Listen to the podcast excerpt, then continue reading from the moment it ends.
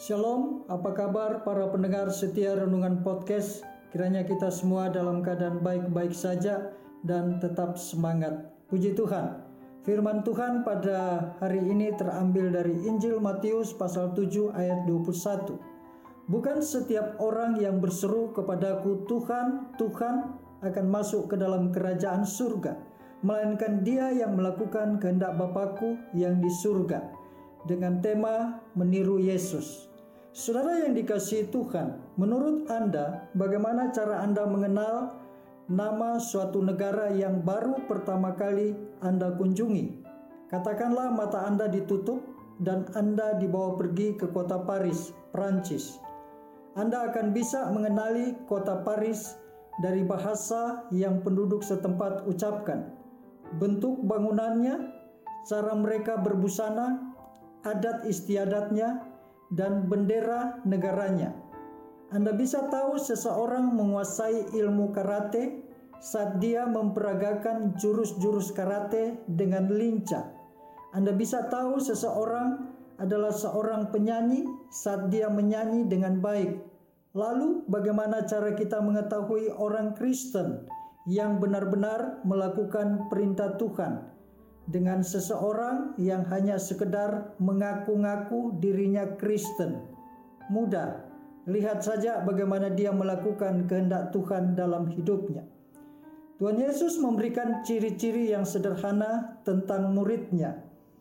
Aku memberikan perintah baru kepada kamu, yaitu supaya kamu saling mengasihi sama seperti aku telah mengasihi kamu, demikian pula kamu harus saling mengasihi. Dengan demikian, semua orang akan tahu bahwa kamu adalah murid-muridku, yaitu jikalau kamu saling mengasihi. Yohanes 13 ayat 34 sampai 35. Walaupun KTP kita Kristen dan setiap minggu kita datang ke gereja atau setiap hari kita baca Alkitab, namun jika untuk mengampuni orang yang berbuat salah saja kita tidak mau kita berarti bukan murid Yesus. Seorang murid pasti melakukan apa yang gurunya lakukan dan ajarkan. Kalau sang guru mengajarkan saling mengampuni, pasti muridnya akan mengampuni juga. Kalau sang guru tidak khawatir dengan masalah sehari-hari, muridnya pun pasti demikian. Kalau gurunya membalas kejahatan dengan kebaikan, sang murid pasti akan meniru tindakan gurunya. Kalau sang guru mau bergaul dengan orang berdosa dan peduli dengan kesusahan mereka, muridnya pasti juga akan melakukannya. Seorang murid dikatakan lulus ujian kalau sudah berhasil menjalankan semua perintah gurunya. Saudaraku yang dikasihi Tuhan, Sudahkah kita menjadi seorang murid Kristus yang meniru Kristus? Banyak sekali tindakan Kristus yang tertulis di Alkitab. Sudahkah kita berusaha menirunya?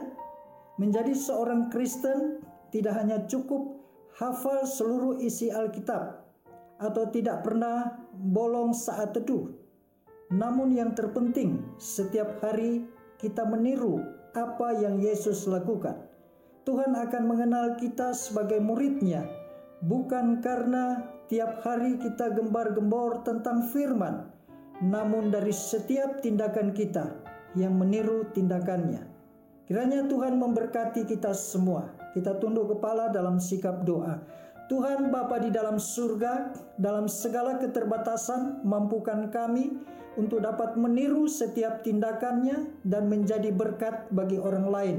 Kiranya dunia tahu tentang Kristus bukan oleh perkataan kami, tetapi oleh tindakan. Dunia tahu bahwa kami adalah pengikut Kristus, kami adalah duplikat Kristus. Di dalam nama Yesus kami berdoa. Haleluya.